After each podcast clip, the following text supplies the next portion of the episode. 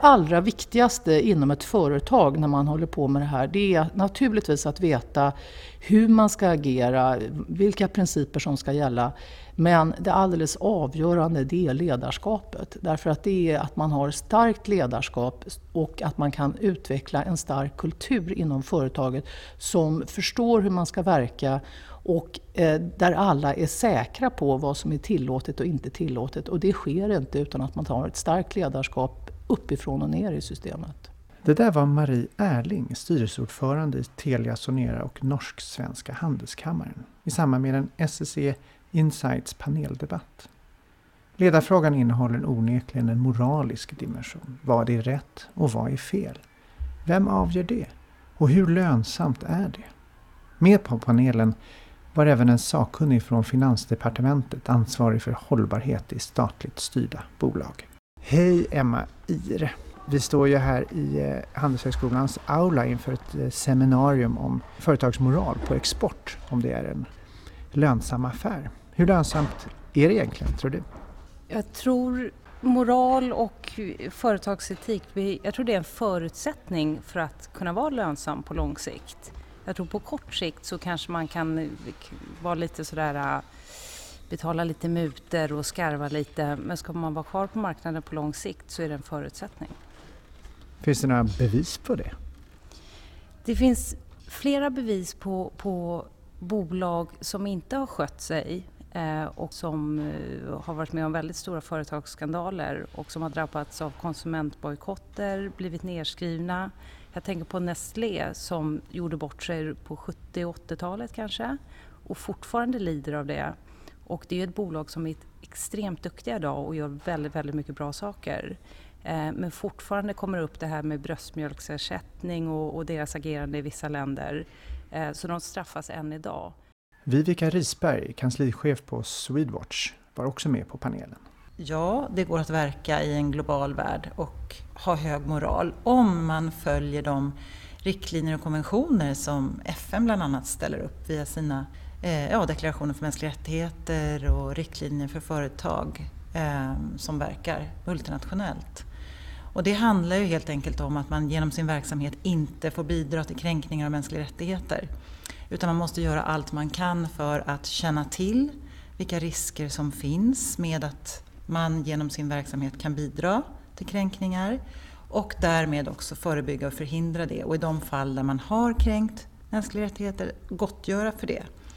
Eh, så länge som man gör det så tycker jag absolut att man kan verka i en global värld eh, med hög moral. Och sen tror jag dessutom att det är lönsamt eh, därför att det kommer att hålla i längden. Kan du bara säga någonting om mänskliga rättigheter? För folk slänger sig med det fram och tillbaka. Mänskliga rättigheterna, det är ju faktiskt någonting som är nedskrivet 1948 och i deklarationen om de allmänna mänskliga rättigheterna. De är universella. Och eh, FN, Förenta Nationerna, kom 2011 ut med ett viktigt ramverk som gäller företags och staters ansvar att respektera mänskliga rättigheter i sin verksamhet. Det här ramverket är inte juridiskt bindande men det har blivit ett väldigt viktigt ramverk som företag har att följa. Och då handlar det om att företag faktiskt har en, eh, ett ansvar att eh, inte kränka mänskliga rättigheter i någon eh, aspekt. Eh, det kan vara allt från rätten till eh, att bilda en fackförening till eh, rätten till hälsa. Och det här låter kanske lite konstigt men det handlar helt enkelt väldigt mycket om att företag idag måste titta på vilka konsekvenser ens verksamhet kan ha för människor som på ett eller annat sätt eh, påverkas av verksamheten. Då har företaget ansvar att eh, förebygga kränkningar helt enkelt. Det låter som det kan vara väldigt mycket olika saker i. Du har yttrandefrihet, du har associationsfriheten, du ska ha just rätt att organisera dig, rätt att, rätt att yttra dig. Eh, men sen handlar det också om rätten till rent vatten och det handlar om rätten till eh, ett värdigt boende.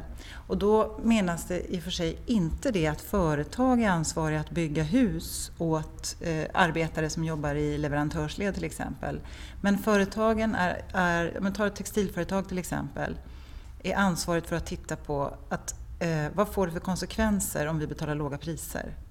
I Bangladesh till exempel, får det till konsekvens att, att, att människor tvingas jobba väldigt mycket övertid så får det i sin tur konsekvenser på den människans eh, hälsa, eh, boende och barnens skolgång och så vidare. Så att det är ett mer holistiskt tänkande och där säger då FN att i så fall måste företagen se till att affärsprocesserna som de jobbar med inte verkar för kränkningar av det slaget. Om man då tänker på yttrandefrihet och nu hoppar vi över till ett svenskt företag som gör eh, affärer med ett eh, annat land som inte är demokratiskt så är det uppenbart att yttrandefriheten får stryka på foten. Hur kommer man runt det med heden i behåll?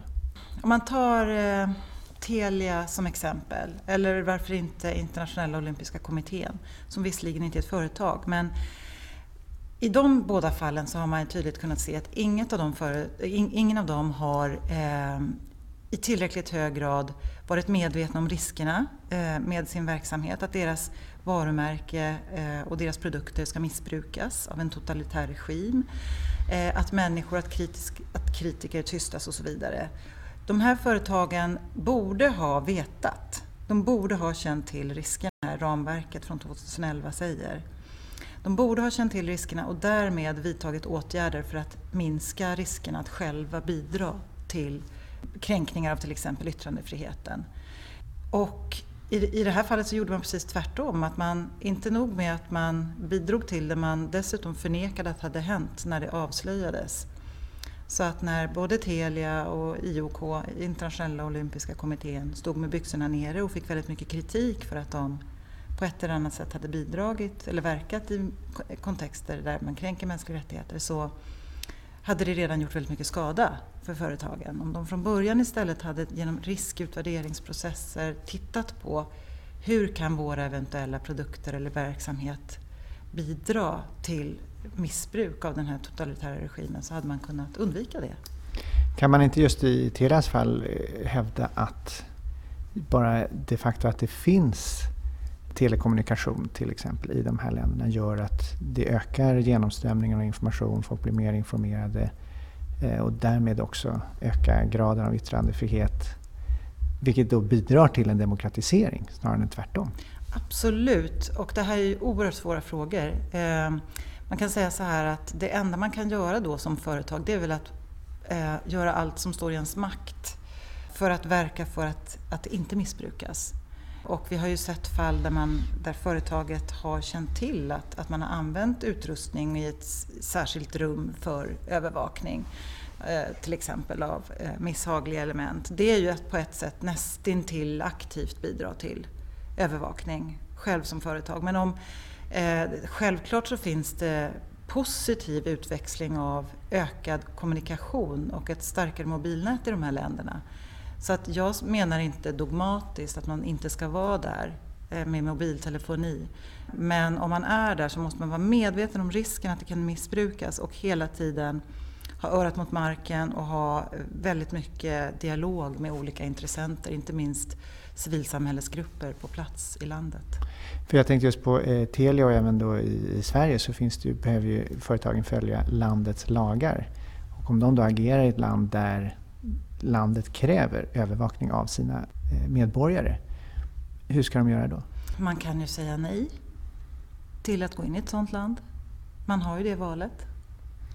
Så att det här med att eh, kontrollera hur produkterna slutligen används. Eh, det om man säljer då vapen eller en sax eller så vet man inte riktigt hur användaren använder det. Det kan användas även i fredliga syften. Hur, hur tänker man där? Finns det någon moralisk kompass i hur man ska orientera sig? Det är svårt tycker jag att prata om moralisk kompass. Ehm, jag tror att man måste bara helt enkelt göra allt som står i ens makt för att utvärdera risker hela tiden. Ha en kontinuerlig process där man utvärderar riskerna att, att de här produkterna missbrukas och om man får signaler om det så kan man vidta åtgärder. Om företag bara skulle följa, ta seden dit de kommer, då skulle det innebära att om, om jag verkade i Saudiarabien så skulle jag inte få anställa kvinnor. Jag skulle dessutom få vara, vara myndighetsperson åt, åt de jag anställer. För så ser lagen ut där. Men det kränker ju eh, mänskliga rättigheter. Vi kan, där måste vi följa snarare de internationella konventioner som gäller. Och, och därför så ska vi se de nationella lagarna snarare som golv.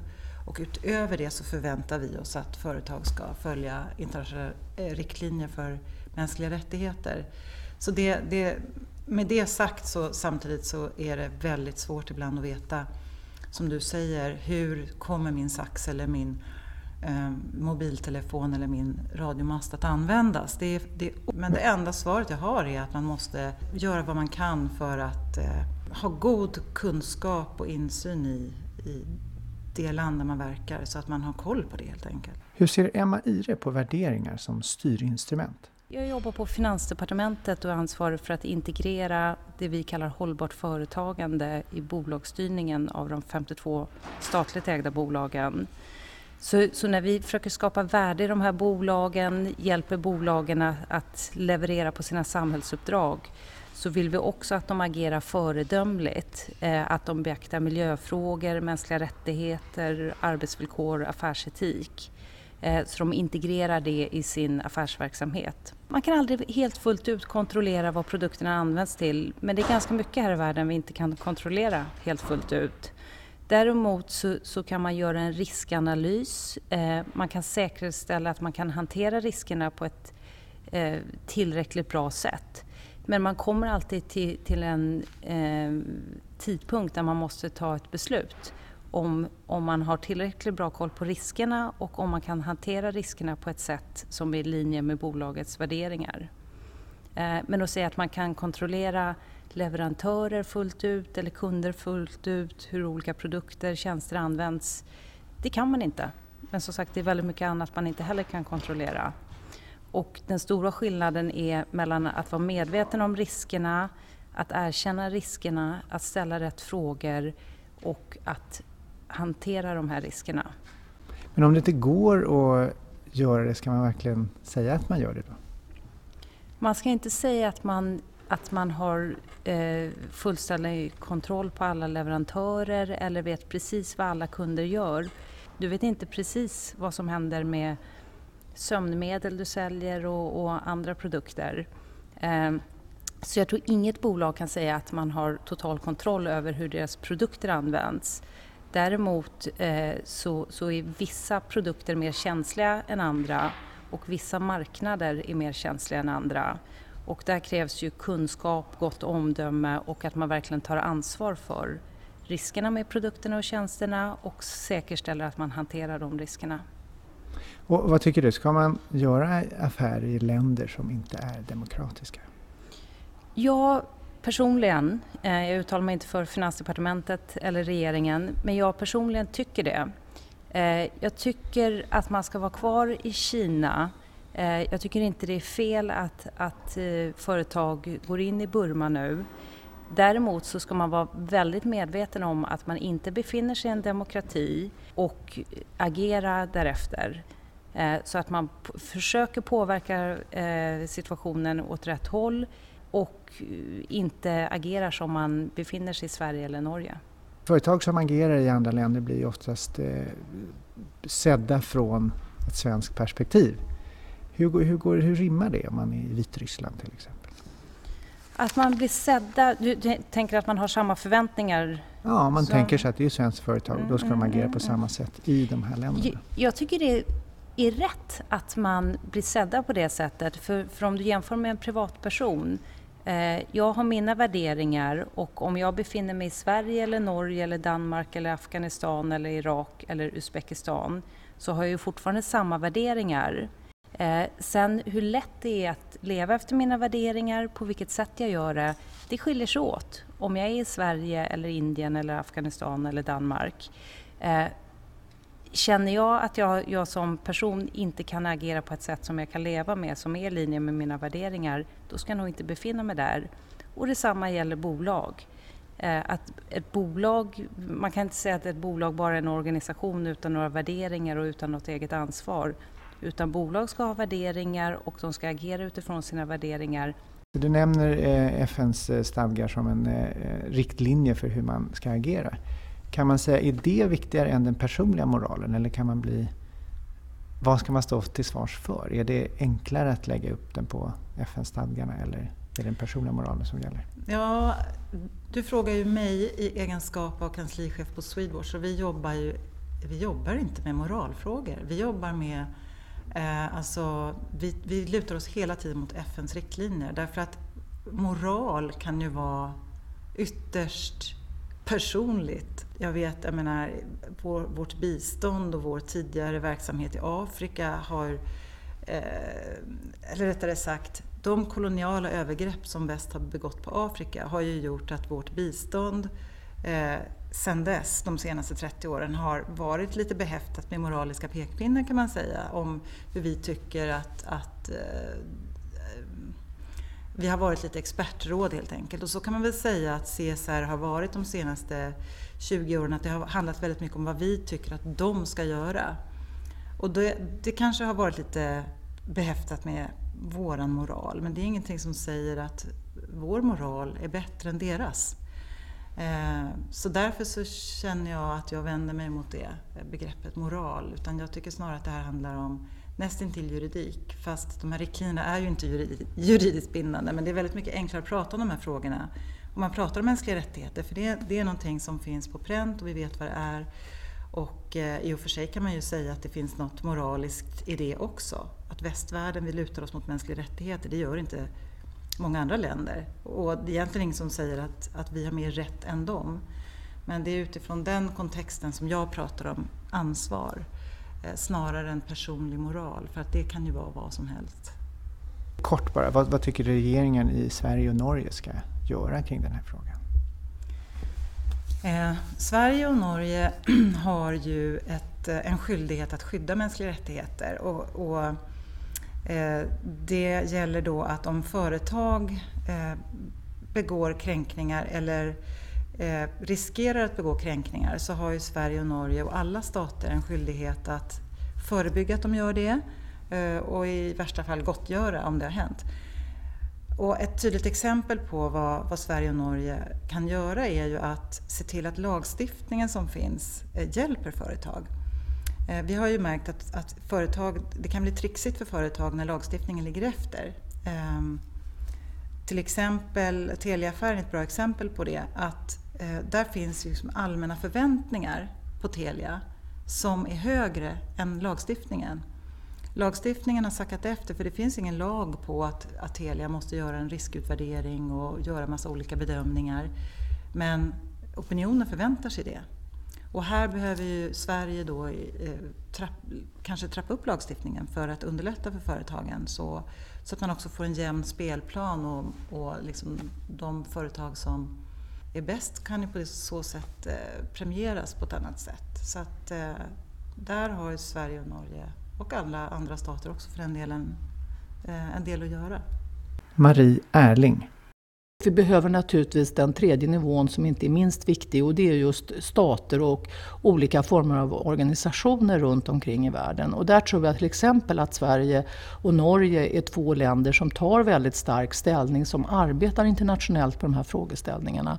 Och när vi då som representanter för skandinaviska bolag eh, har våra så att säga, hemländers regeringar i ryggen så betyder det faktiskt väldigt mycket.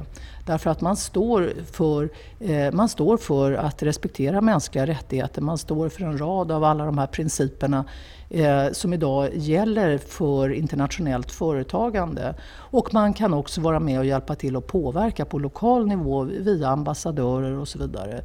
Så att jag vill nog säga att i vårt fall så, så kan även våra respektive regeringar hjälpa till på olika sätt.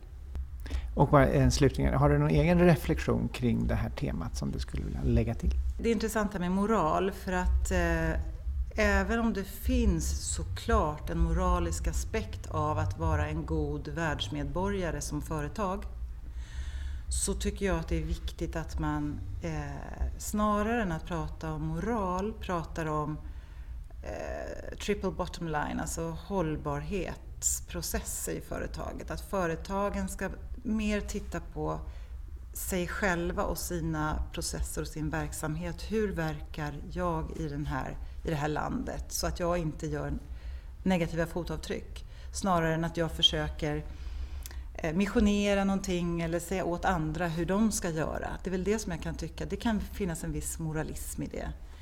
Eh, och sen är ju moral någonting som förändras över tid. Jag menar till exempel så eh, det som vi kallar för negativ screening i finansvärlden med etikfonder till exempel. har har sagt att etikfonder inte ska investera i porr, tobak, alkohol och vapen. Och det var någonting som, det har funnits ett tag nu. Eh, men egentligen, de stora utmaningarna vi har idag, det är faktiskt eh, utvinning av fossilt bränsle. Liksom tiden förändras och frågorna förändras. Så att snarare än, än att prata moral så tycker jag att man måste vara liksom man måste vara en, en, eh, en, äh, agera etiskt i den tid vi lever. Tack Vivica Risberg, Swedwatch. Du har också lyssnat på Marie Erling, Telia Sonera och Emma Ire, Finansdepartementet och deras tankar kring företagsmoral på export. En lönsam affär? Frågetecken. Sammanfattningsvis verkar det handla om ett starkt ledarskap, tydliga värderingar, att respektera mänskliga rättigheter och agera etiskt i den tid vi lever. Vill du lyssna mer? Surfa in på ifl.se inspiration. Det här är Carl Eneroth från SSC IFL Executive Education. Tack för att du lyssnade.